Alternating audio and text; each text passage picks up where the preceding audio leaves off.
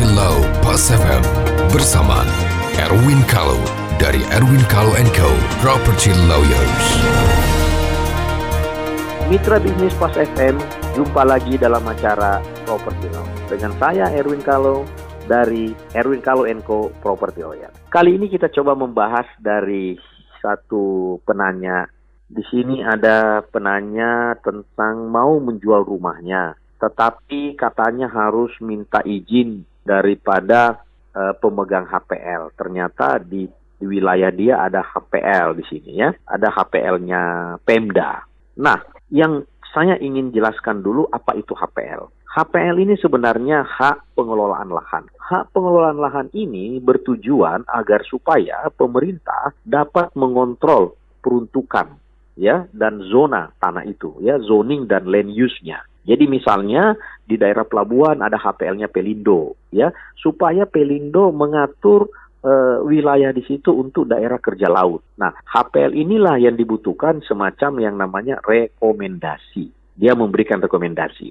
Nah, kalau kita punya tanah atau rumah di dalam HPL-nya orang, berarti kalau kita mau menjual atau membangun, itu dimintakan rekomendasi daripada pemegang HPL ya gunanya apa supaya pemegang HPL dapat mengontrol eh mau bangun apa?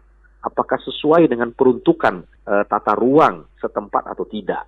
Itu sebenarnya tujuannya ya jadi HPL itu bukan bukti kepemilikannya nah kenapa dimintakan rekomendasi saya jelaskan tujuannya itu agar supaya pemerintah melalui pemegang HPL dapat mengontrol peruntukannya tidak mungkin misalnya daerah pelabuhan Anda bangun uh, bioskop ya kan atau bangun apa yang tidak berhubungan dengan uh, daerah kerja laut nah dan ini memang yang harus dilakukan pastikan apakah memang di situ ada HPL. Kalau memang ada, ikutin prosedurnya. Biasanya itu ada biaya administrasi daripada pemegang HPL sekitar dua setengah persen lah ya.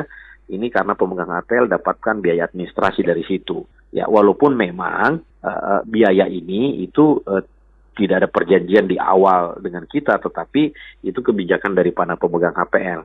Jadi kalau rumah kita mau dijual ada HPL, memang kita minta rekomendasi dari pemegang HPL. Walaupun memang menurut saya HPL ini sudah tidak uh, relevan lagi di zaman seperti ini. Karena HPL itu pada saat diterbitkan pertama kali oleh Peraturan Menteri Dalam Negeri nomor 1 tahun 77 itu itu belum ada undang-undang tata ruang. Jadi harus ada HPL untuk mengontrol. Sekarang sudah ada undang-undang tata ruang sehingga HPL ini menurut saya sudah tidak diperlukan lagi karena tumpang tindih dengan undang-undang tata ruang. Toh kalau tujuannya untuk mengontrol kan sudah ada undang-undang tata ruang. Ada IMB. Pada saat mengurus IMB harus sesuai dengan tata guna tanah. Mau ngurus sertifikat dicek tata guna tanahnya apa. Jadi HPL-HPL ini memang seharusnya sudah tidak diberlakukan lagi dengan zaman sekarang dengan adanya peraturan-peraturan yang lebih rigid termasuk ada AMDAL dan lain-lain sebagainya. Karena maksud dan tujuan HPL ini terlalu sederhana dan sudah ada penggantinya yang lebih canggih.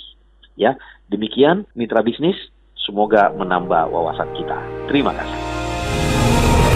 Nantikan Property Law Pas FM berikutnya. Bila Anda memiliki pertanyaan Property Law, email ke redaksi at pasfm.com. Redaksi at pasfm.com.